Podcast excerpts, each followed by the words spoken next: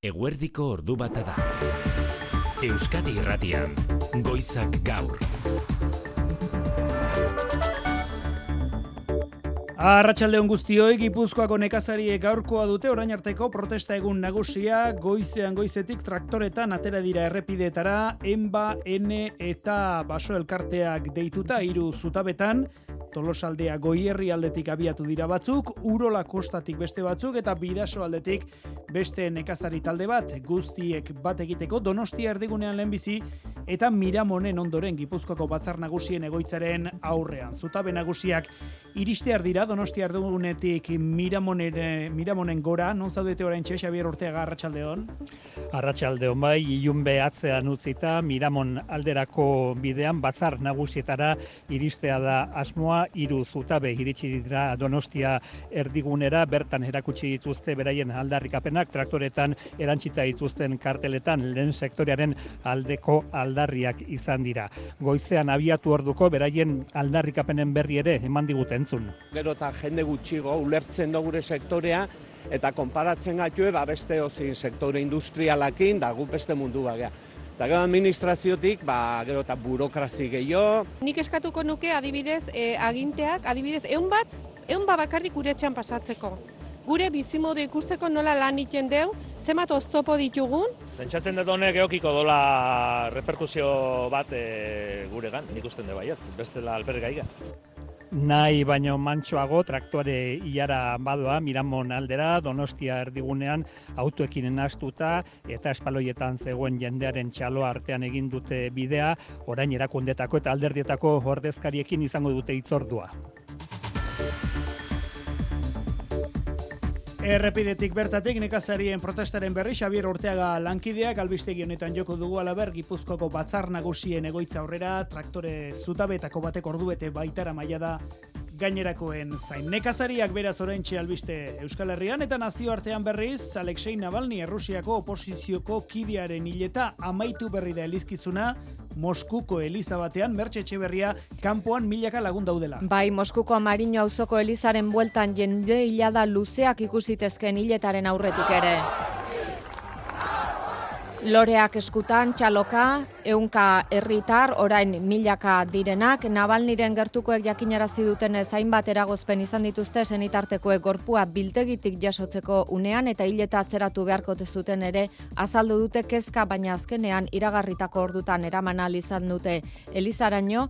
Eta normaltasunez egin izan dute elizkizuna zabaldutako irudien arabera Navalniren gurasoak bertan zirela hileta amaituta orain inguruan den Boris Kov hilerrira eramango dute, Kremlineko bozeramaleak Dimitri Peskovek esan du gaur ez duela aparteko mezurik Alexei Navalniren senitarteko entzat, oartarazi du legez kanpokoa izango dela baimendu gabeko ekitaldi oro. Ezoiko irudia, orain goz eh, Moskuko hiriburutik iritsi zaiguna, gainerakoan igotz alkorta arratsaldeon. Baita zuri ere inigo. Gazan, Israelek janbila urbildutako herritarren artean eundik gora hildako eragin izanak ez du nazio batuen segurtasun kontseiluaren gaitzespenik ekarri estatu batu batuek betoa jarri baitiote ostera ebazpen horrek. Nazio batuen erakundeko enbaixadore palestinarrak hain zuzen salatu du as long as the Security Council is paralyzed and vetoes casted, Nazio batuak paralizatuta dauden bitartean Palestinarren artean sarraski eragiten ari dela Israel, Europar batzordea oraintxe ari da agerraldi egiten. Berehala joko dugu Bruselara, agerraldi horren azken ordukoaren bila. Atzera etxean lehenbiziko aldiz Espainiako gobernoko ministro batek lore eskaintza egin du gazteizen martxoaren iruruko biktimen alde. Angel Victor Torres, Memoria Demokratikorako ministroak diru laguntza iragarri du aurtengo aurrekontuetan martxoak iru En el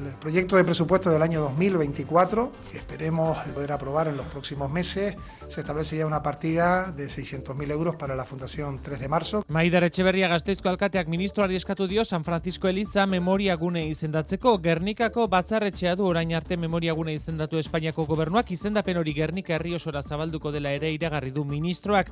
Lurralde politika ministro ere bada. Torrez, aurreratu duenez, datorren astean elkartuko da jaularitza eta Espainiako gobernuaren arteko batzordea eskualdaketa eskumenen eskualdaketei argi berdea emateko. Eta irunen datozen orduotan hasiko dira atzoko sutea kaltetutako bizilagunak etxera bueltatzen. Zuhiltzaileak sua zer keraginduen ikertzen ari dira eta goizaldean egreikina ikuskatzen izan da udaleko arkitektua egituran ez dagoela kalterik eta bizilagunek etxeratzeko modua izango dutela adirazi du Miguel Gargallo irungo udala arkitektuak. Lo que es la estructura del edificio no está afectada, está, hemos comprobado que los pilares y las, las vigas que sujetan en los techos del forjado están bien. Atzo arratsaldean piztuten sua, irungo pelegrin urantzu kaleko amasei garrenean, zortzi lagun, etxeri etxeratu behar izan zituzten ke arnastuta. Errepidetan zer berri maialen narratibel? Ba, beha sainen ene bat errepidean donostira bidean, bi autokelkar jo dute eta errepidea garbitzeko lanetan jarraitzen dute, segurtasun saietik esan digutenez, beraz, adi puntu horretan. E, guraldiaren iragarpenari dagokionez, eguzkina iturrioz Euskal Meta Arratxaldeon. Arratxaldeon. Giroak ateri jarraituko du, datozen orduotan. Bueno, kostaldean batez ere gauean euri pixka bat egitea espero dugu, odeiak ugaritu egingo dira. Arratsalde partean ere Bizkaiko zenbait lekutan tantaren bat egitea ez da baztertzen, baina euria batez ere gauean egingo du eta gutxi esan duguna batez ere kostaldean. Aldaketa bihar etzirako ez da? Hori da, bihar goizean egomende baldeko aizea zakarribiliko da, eta horren ondorioz temperatura nahiko xoabeak izango ditugu goizean, tantaren bat egin dezake, baina orokorrean ateri utziko dio. Bihar eguerdian ordea eguraldia era bat aldatuko da berriro ere, aizeak ipar mendebaldera egingo du zakar eta fronteoz batek eragingo digu, lurralde osoa zeharkatuko du fronte horrek. Horrela, larun bat eguerditik aurrera eguraldi oso ez egonkorra espero dugu. Zaparradak botako ditu, tarteka mardulak izango dira zaparrada horiek, eta baliteke trumoi jo eta txingor zaparradak botatzea. Frontea sartzean oso bizko roztuko du eta elurkota bihar arratsaldean 600 eta 900 metro ingurura jetxiko da. Eguraldi makurrarekin jarraituko dugu igande arratsaldeko lehen orduak arte eta hogeita labordu horietan euria erruz egingo du batez ere kantauri isurialdean. Gero igande arratsaldean pizkanaka egoerak eh, baretzera egingo du. Martxoan sartuta ere neguan jarraitzen dugula beraz. Kiroletan Jose Maria Paola Zarratxaldeon. Arratxaldeon, Mende honetan seigarren aldiz jokatuko du Atletikek Espainiako kopako finala. Sarrerak eskuratzea, lolekua, Sevillarako bidaia, Atletik zaleak Bart Atletiko Madrid kanporatu eta berehala ekin dio kopako finalaren aurreko bide horriari. Apirilaren seiko final horren aurretik, ligako lau partide izango ditu atletikek. Eta urrutira gabe, igandean izango duen hori, lehen da biziko hori, Bartzelonaren kontra samamesan. Realak berriz, Kopa biara monaztu eta Sevilla nasine du bihar Europarako postua ziurtatzeko lasterketa, eta astelena derbiarekin jardunaldiarekikoak egiteko sadarren osasuna alabez. Baina ostiralonek, kirol jardunaldi bete-betea dakar Euskal Taldeen zata, zazpiak laurden gutxitan berriz ere Euroligan da Baskonia. Gaur Turkian jokatuko du Fenerbahçeren kiroldegian eta gaur dira gainera Puente Genil Bidasoa eta Miarritze Van Errukbiko partida eta noski. 2008 lau, Parisko jokoak, Parisko jokoak, naiz eta surfa taitin jokatuko den. Bueno, ba, bertan izango da, txartela lortu du eta nadia erostar bezala ustara. Izango duzu bera zer kontatu, ordu bat atardietatik aurrera kiro legez saioan, eta gauza, ere, gauza bera ordu bitardietan kultur lehioan, Manu Etxe sortu arratsaldeon. Arratsaldeon inigo. Gaur besteak beste nabarmentzeko musika klasikoaren erdigune bihurtuko dela gaurtik igandera bitarte Bilboko Euskalduna jauregia. Ba, bai, musika, musika, jaialdiaren asteburua da hau, goizetik iluntzera egun osoan kontzertuak, irurogeita mar musika emanaldi, orkestra sinfoniko handiak, talde txikiak, bakarlariak, eta guztira mila musikari profesional baino gehiago pasako dira egunotan, Bilboko Euskalduna jauregitik. Kontzertuak laburrak izaten dira, eta sarrerarik arestinak amairu euroan, amai arregi Bilboko alkate. Musika klasikoa, adin eta mota guztietako jendeari hurbiltzea formatu oso bereizgarrian. Gehienez, berrogeita bost minutuko kontzertuak aldi berean zazpi agertokietan, eta prezio herrikoietan. Prezio herrikoi hoiei esker, jendea erruz arrimatzen da musika klasiko entzutera inigo, iazko edizioan, asteburu bakarrean, hogeita mar mila sarrera saldu ziren, eta etzen futbola.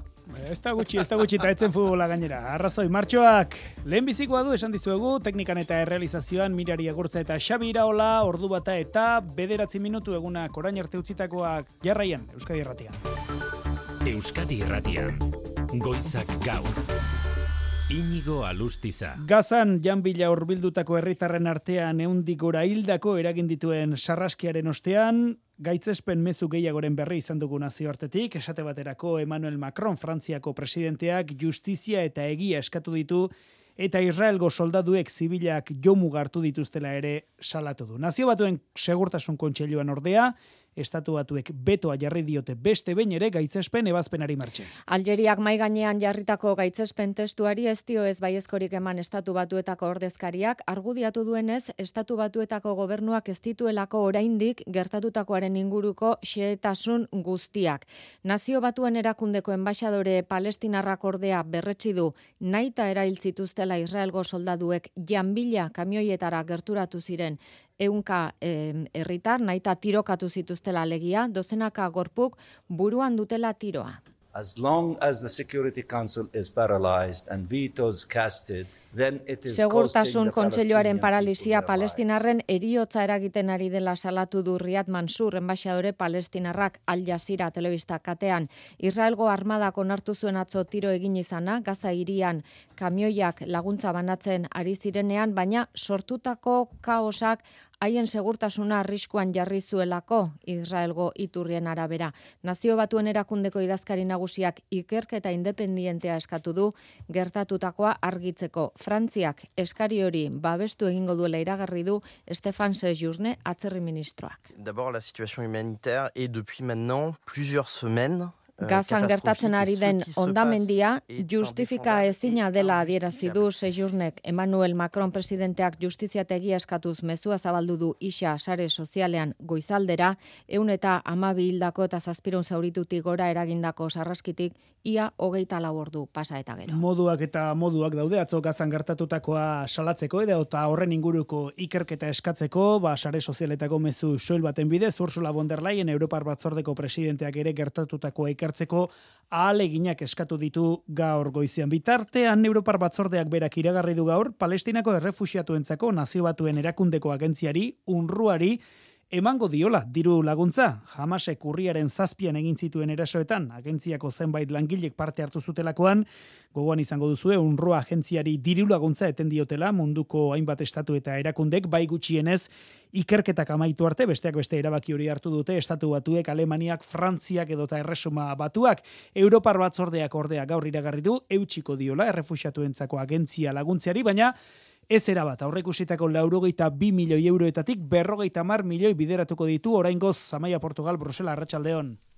Arratxaldeon, bai, erdibidetik jodu azkenean batzordeak, ez dizkio kolpe bakarrean larogeita bi milioi euroak askatuko unruari, baina badaki nazio batuen agentziak ezinbestekoa duela diru poltsa hori gazan eta inguruetan lanean jarraitzeko, beraz, dagokion poltsaren euneko irurogeia emango dio oraingo. Zerik mamer bonderleienen bozera maia. Today, the Commission has decided to proceed to paying 50 million euro to UNRWA and to allocate Batzordeak dio UNRWAak onartu dituela Bruselak jarri zizkion baldintzak Israelek leporatu zionean agentziaren dozena bat langileri jamasen erasoetan parte hartu izana. Baldintza horien artean daude barne ikerketa abiaraztea, ikerketa talde independente baten esku hartzea onartzea eta kontu ikuskaritza bat ere onartzea batzordeak berak aukeratutako adituen bitartez. Adostasun horretan oinarri oinarrituta erabaki du Bruselak berrogeita mar milioi euro askatzea eta gaineratu du beste hogeita mabi milioiak etorriko direla adostutakoak aplikatzen diren enean. Bestalde, palestinarrak laguntzeko beste irurogeita sortzi milioi euro iragarri ditu batzordeak aurreikusita ez zeudenak, baina zehaztapen handirik eman gabe gurutze gorriaren gisako erakundentzat izango dela esan dute. Oliver Bareli komisarioak txiokatu du ala dibertsifikatu egingo dutela laguntza naiz eta aditu asko kesana den uneotan inork ez duela azpiegiturarik unruak gazan egiten duen lana ordezkatzeko. Ba, deigarria, ekialde horbileko gatazkaz eta Ukrainako gerraz galdetu die jaurlaritzak herritarrei inkesta batean, zehazki Europar batasunak bi gatazkauen inguruan emandako erantzunaz eta deigarria da euneko berrogeita bost, ados edo nahiko ados agertu dela, Errusia eta Ukrainaren arteko gatazkan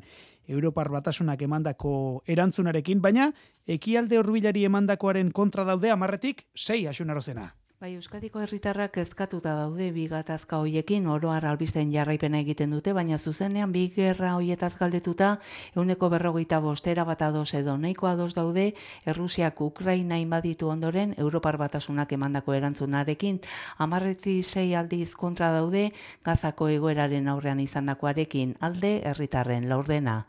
Jaularitzak jakina izan du beraz herritarren iritzia nazioarteko egoeraz, gehiengoaren ustez txarra da eta oker okerrera egingo duela uste dute. Hemendik hamar urtera berriz, munduko arazo garrantzitsuenak zeintzuk izango diren galdetuta, berrogeita zazpirentzat, klima aldaketa, lehortea eta ingurumenari lotutako arazoak izango dira.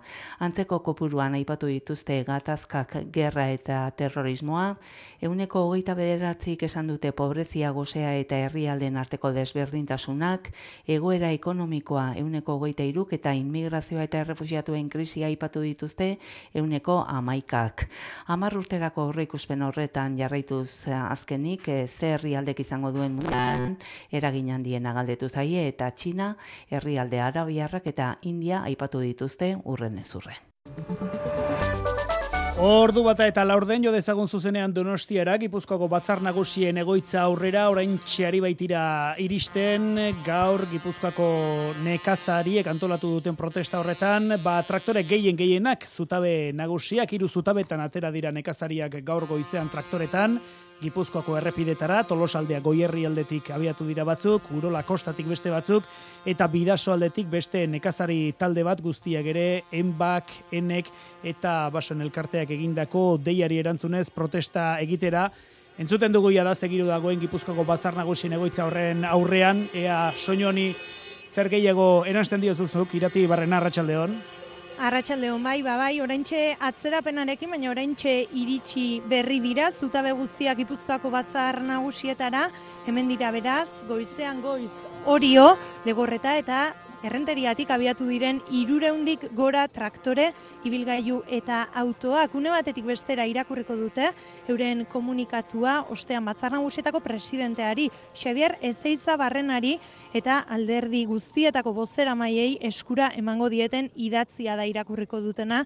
Eskatzen dute, lehen sektoreari duen garrantzia aitortu eta lehen este entzun baserritarre digutena. Gure bizimodu ikusten de bukatzea dijola, hortako neurrik eskatzen diteu. Posible izatea, baserritik bizitzea eta modu duin baten. Gauden egoeran, egora jarrikoa ezinezkoan. Dudari gabe ikusten dugu ba, bueno, generazioa badagola jubilatuko dana eta atzetik ba, ba bueno, gazteak eh, gogoze gaude, baino sektorean bultzada emateko eta sektore hau erakargarria egiteko ba, aldaketa desente egin behar Bostina hotxak, hemen dozenak alagunek txalo artean hartu dituzte baserritarrak, lehen bizikoak iristen bidaso aldekoak izan dira, baina entzungo duzue, orain ari dira iristen goierri tolosaldeakoak eta urola kostakoak, otxaiaren amabian ez bezala, gaurko protesta gipuzkoako baso elkarteak, en eta enba sindikatuek deitu dute, arrantza eiztari eta lehen sektoreari lotutako berrogeita hiru elkartek ere egin dute bat protestarekin. Eta hause une hauetan soinua batzar nagusiaren ataritik. Iruren digora, traktore beraz gaur gutxi gara berak ipuzkoako errepidetara atera direnak. Ordubietako albistegian kontatuko dizuegu zein aldarrikapen zehatz egin dituzten nekazariek gipuzkoako batzar nagusien egoitza horren aurrean. Bestelako protesta deitu dute osakidetzaren gainberaren eta privatizazioen aurka Osasun publikoaren aldeko plataformek manifestazioak deitu dituzte martxoaren amaseirako Bilbon gazteizen eta donostian jendetza bildu nahi dute jaurlaritzaren kudeak eta salatzeko maialen. Bai, bereziki lehen mailako harreta presentziala azkezka azaldu dute osasun publikoaren aldeko plataformek aurrez aurreko harretarako eskubidea kasu askotan ez dela bermatzen eta mediku berak paziente baten jarraipena egitea ia ezinezkoa izaten dela eta salatu dute horren atzean daudela murrizketak, interesak eta kudeak eta kaskarra. Ekin alza bozera maia da. Osakidetzaren egungo egoera, arduradun politikoek aspaldian egindako plangintza eta kudeak eta politiko arduragabearen eta negatiboaren emaitza da. Errenteriako iztietako osasun zentroa dela horren erakusgarri eta hain zuzen atarian bilduta iragarri dituzte martxoaren amaseirako manifestazioak jendetza bildu nahi dute kalitatezko osakidetzaren alde eta privatizazioen aurka. Osasun publikoaren murrizketa politikak espezialista bat eskuratzeko itxaron zerrendak izugarri luzatze ekarri du. Ezin dugu inundik inora onartu zerrenda horiek murriztea zerbitzuen privatizazioaren kontura. Gazteizen, Bilbon eta Donostian egingo dituzte hiru manifestazioak, esan bezala martxoaren amaseian, eguardian hasita. Eta Euskal Autonomia Arkidegoko gehiengo sindikalak hilonen amabirako sektore publikoan deitu duen grebari begira, behinbeineko tasonari buruzko datuak eman ditu gaur, ela sindikatu. Euskal Jaularitzako behinbeineko langile publikoen uneko irurogeita mairu, hau da, hogeita amalau mila langiletik gora, onartu diren egonkortze prozesuetatik kanpo geratuko dela salatu duelak, bereziki kezkagarri jodu osakidetzaren eta hezkuntza publikoaren egoera, igorre izag Agirreela sindikatuko sektore publikoko arduradunak azaldu du zein den behinbeinekotasun tasa altueren arrazoietako bat. Lankidetza publiko pribatuaren mantraren atzean, sektore publikoa privatizatzeko aldeko apustu irmoa eskutatzen besterik ez dute egiten. Datu bat eman nahi dut. Gaur egun, gure herrian, eun da hogei mila langile daude sektore publikoa funtzesko zerbitzutan lanean privatizatuta. Hirugarren batek negozio egiten du zerbitzu publiko horren ustiapenarekin. Zati handi batean edo bere uneko unean finantziazio publikoa du eta haren errentagarritasuna handitzen da zerbitzu publikoak kaltetzen edo langileen lan prekarizatuz.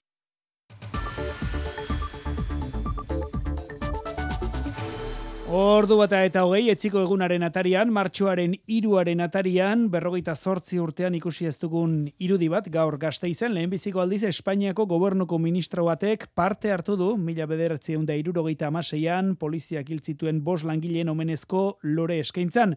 Angel Victor Torres, Espainiako Memoria Demokratikorako ministroak gainera, diru laguntza iragarri du, martxoak iru fundaziorako, eta San Francisco Eliza Memoriagune bihurtzea ere aztertzen ari da, Zaramaga auzoan Gasteizen zurin etxeberri Arratsaldeon. Arratsaldeon martxoaren iruko biktimen oroitarrian Espainiako poliziak tiro zildako poslangileen omenez La Rosa Gorriak utzi ditu Memoria Demokratikoko ministroak berrogeta sortzigarren urtemugaren atariko sarraskiaren lekura aurrenekoz gerturatu da ministro bat. Gertatutakoarekin gobernuaren konpromisoa islatzeko Torresek iragarri du datorren urteko aurrekontu proiektuan ia zindarrean sartu etzen 600 mila euroko diru laguntza jaso dute dutela martxoak iru fundazioarentzat. Se establece ya una partida de 600.000 euros para la Fundación 3 de marzo, que simboliza también el compromiso del gobierno Aurrez, central. bilera egin du Torresek gobernu ordezkariarekin eta gazteizko alkatearekin, eta adierazi du aztertuko dutela Maider Etxebarriak egindako eskaera San Francisco Eliza Memoria Demokratikoaren estatuko inventarioan sartzeko Gernika zerrenda horretan bere ala sartuko dela zehaztu du alegazioak aintzat hartu, eta eremua zabaldu eta gero, hortaz, ez da soilik batzar etxea izendatuko eta bide batez lurralde politikako ministroa ere badenak transferentzen inguruan honakoa esan du. Solo falta eh, la fecha de la comisión mixta, que será la Datorren astean elkartuko dela batzorde mistoa, azken hiru transferentzian eskualdaketa sinatzeko. Ba, gaur gazteizen izan dugun Torres ministroa, koldo hauzia delakoagatik susmuopean den buruzagi sozialistetako bat da, Kanarietako gobernuko presidente zen garaiko kudeak eta gatik, baina alderdi popularrak azken orduotan inor jopuntuan jarri badu hori Francina Armengol, Espainiako kongresuko presidentea izan da, Balearetako gobernu buruzela, Koldo Gartziaren ustezko ustelkeria sareari akatsa zuten maskaren kargamendua onartzeagatik. Alderri sozialista presta gertu da gaur, balizko ikerketa batzordean armengolek azalpenak eman ditzan onartzeari, baina popularrei leporatu die errezegi eskatzen dituztela dimisioak Mikel Arregi Madrid Arratsaldeon. Kaixo Arratsaldeon Partidu Popularrak tantaz tanta koldo hauzia zukutu nahi du gobernua erasotzeko. Orain honetan El Mundo egunkariak argitaratutako albiste bat dute izpide honen arabera Francina Armengol presidente zuen Balearretako gobernuak ontzat jo zituen koldo gartziaren sareak saldu zizkien musukoak. Nahikoa da hori kuka gamarra popularren idazkari nagusiak telezinkon kongresuko presidenteak dimisio aurkeztu beharko lukeela esateko. Eso es una situación insostenible. Lo primero que tiene que hacer es dimitir. Si ella no dimite, debe de ser su partido. Besoetik gogoratu dute Armengolen gobernuak iruzurraz jabetuta dirua itzultzeko eskatu ziola ustelkeria kasuko enpresari eta PP gobernura iritsitakoan eskakizun hau geldiarazi zuela. Hau horrela, e, sozialistek pandemian zehar administrazioek musukoak erosterakoan egin zituzten kontratu guztiak ikertzeko dei egin dute beste behin gobernutik dena argitu nahi dutela errepikatu dute Felix Bolaños eta Ángel Víctor Torres ministroek. Queremos que se conozca todo y quien tenga que pagar que lo pague. Es necesario que la ciudadanía sepa absolutamente todo y con todo el rigor. Gobernutik no... zera eskatu diote Partidu Popularrari babestu dezala kongresuan ustezko ustelkeria kasu guztiak ikertzeko proposatu duten ikerketa batzordea. Nafarroan gero eta zabalagoa da alkateen mugimendua autogobernuaren alde. Elkarretaratzea deitu dute bihar Iruñean, Espainiako auzitegi gorenak trafiko eskumena bertan bera utzi duela salatzeko, toki simboliko batean foruen monumentuan Eli Eraso Iruña Arratsaldeon. Arratsaldeon bai duela bi mende gamazadaren kontra foruen defentsan herritarrek bategin zuten tokian elkartzeko deia egin dute Nafarroko eun alkate baino gehiagok, auzitegi gorenaren erabakia Nafar gehienen borondate politikoaren eskubide sozialen eta autogobernuaren aurkako erabakia dela arbuiatuz. Uste dute epaiaren muinean estatuaren bulkada politiko birzentralizatzailea dagoela. Bertarizkun burlatako alkatea da. Gure bizitzei zuzenean eragiten dieten politika publikoak geratzeko dugun gaitasuna da hemen jokoan dagoena. Horregatik, Nafarroarekiko errespetua eta autogobernatzeko gaitasuna aldarrikatu behar ditugu. Izan ere, honek guztioi eragiten digu. Duela astebete amaika alkatek sustatu zuten Nafarroa defendatu izeneko agiria, atxekimendua dierazi diote, EH Bildu geroa bai eta hainbat talde independientetako autetxiek, egoerari irten bide rankin korra emateko beharrezkoak diren lege formulak bilatzeari balio ematen diote bai, baina aldi berean autogobernua kalean aldarrikatzeko premia ikusita deitu dute elkarretaratzea, bihar arratsaldeko bosterdietan foruen monumentuaren aurrean. Autogobernuaren alde esan bezala, ba autogobernuaren inguruan alik eta akordio zabalena aldarrikatu du gaur Joseba Diez Antxustegi, Eusko Alderri Jeltzalearen arabako zerrenda buruak hemen Euskadi Errateko faktorian, PSE eta haren ezkerrean dauden beste indar batzuk ere barnean izango lituzken akordioa da. Aurretik edozein kasutan Jeltzalen eta EH Bilduren arteko adostasuna gustatuko litzaiokela adierazi digu Diez Antxustegik naiz eta EH Bildu taktizismo politikoen ikusten duen berak. Ezberdinen arteko akordiora ere heldu bar garela, baina ezberdinen arteko akordiora heldu aurretik ere pos, eh, positiboa izango litzatekela edo ona izango litzatekela bertzalen arteko akordio bat ere izatea. Eta zentzu horretan nik uste dut landu beharko dugula. Nik uste dut gizarteak hori eskatzen digula. Izendapen bat ere aipatzeko moduko abide batez igotz. Carlos Altzaga izango da aurrerantzean Bizkaiko azpigitura eta lurralde garapen diputatua. Altzaga beteko du beraz, Imanol Pradales, EAJaren lehendakari gaiak aldundian utzi duen utxunea, irurogi urte ditu, Madrilgo Unibertsitate Politeknikoan egin zituen bide, ubide eta portuetako ingenieritza ikasketak, eta gaur arte Bilboko portuko agintaritzako zuzendari nagusia izan da. Atletikek eta Atletiko Madrilek Bart Samamesen jokatu duten partiduaren testu inguruan bestalde, jaurlaritzako segurtasun sailak gaurgo goizean bai estatu du, istiluetan persona bat atxilotu dutela eta sei ertzain zauritu direla, alaber, ertzaintzako erne sindikatuak gaur salatu duena da, ertzainak eta zaleak zauritu izanak erakusten duela, polizia operatiboa etzela, berbezala planifikatu, hortzi gartzia Bilbo Arratxaldeon. Arratxaldeon bai, ba, San Mamesko inguruetan izan dago istiluetan jendeak jaurditako objektuen ondorioz, tartean botilak eta talontziak, sei ertzein zauritu zirela, bai du segurtasun zailak prensa bidez. Alaber, hogeita urteko gazte bat atxilotu zuten, desordena publikoak eragitea eta agintaritzaren agenteen aurkako atentatu egotzita. Polizia eginbideak amaitu ostean, aske utzi dute aipatu gazte hori ertzeintzak ikertzen jarraitzen du istiluetan parte hartu zuten persona gehiago identifikatzeko. Erne sindikatuak bestalde operatiboa etzela ondo planifikatu salatu du horren erakusle da. Hala dio sindikatu horrek kirol ekitaldi baten testu inguruan ertzainak eta zaleak zauritu izana eta beharrezkotzat jodu ertzaintzaren plantilla bosteun agente gehiagorekin osatzea. Eta Atletico Madrileko jarraitzaile batek ustez jasan zuen erasoari dagokionez EITBek jakin izan du oraingoz ez dela salaketarik jarri ez Bilboko udaltzaingoan ez da ertzaintzan ere eta osakidetzako zerbitzuek ere ez dute ustezko gertakari horrekin lotutako zauriturik hartatu.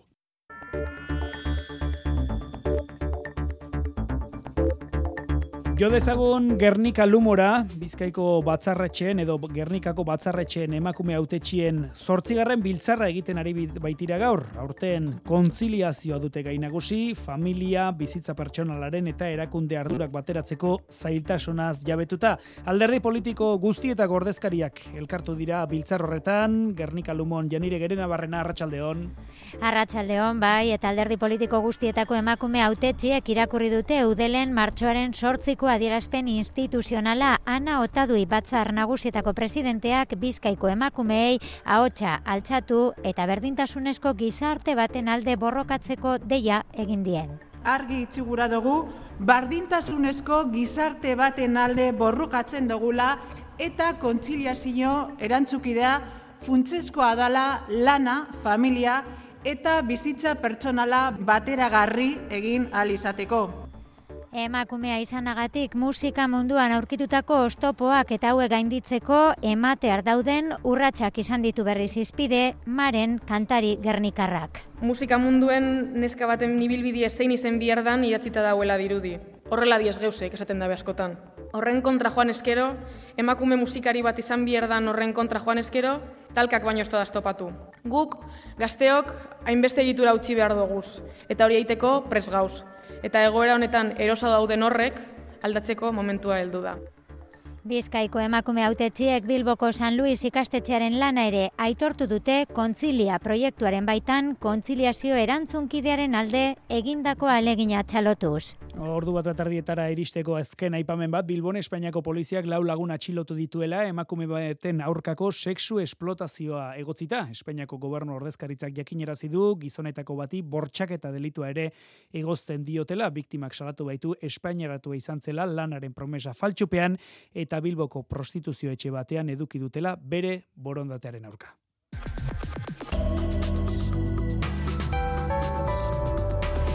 Euskadi Irratian Eguraldia eta trafikoa. Errepidetan, zer berri, Luis Eron? Bat nazionala errepidean, behazainen donostirako norantzkoan, istripo izan duten bi gaiuak eramateko lanean garabiak ere bidean direla, inguru horretan, e, ba, arretaz gidatzea gomendatzen dute segurtasun saietik. Eguraldiari dagokionez, zeuri pikin bat izan genezake gaur iluntzetik aurrera eta bihartik aurrera negu giroa euskalmeten iragarpena.